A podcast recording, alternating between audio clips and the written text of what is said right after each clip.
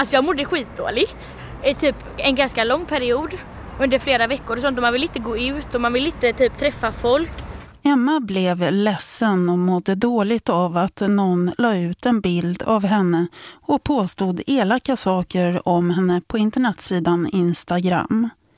Bland annat stod det att Emma gärna hade sex med vem som helst om hon bara fick dricka sprit. När de la upp bilden på mig så stod det typ att om, de, om jag får i mig alkohol så är mina ben vidöppna.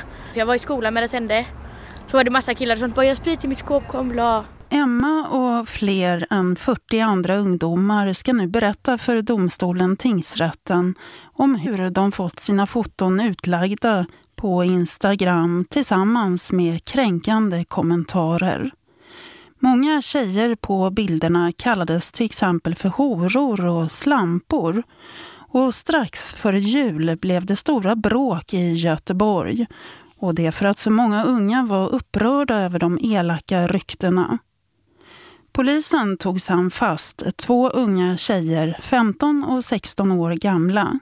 En av dem har erkänt att hon startade Instagramkontot. Men den andra säger att hon är oskyldig och nu ska alltså domstolen undersöka saken.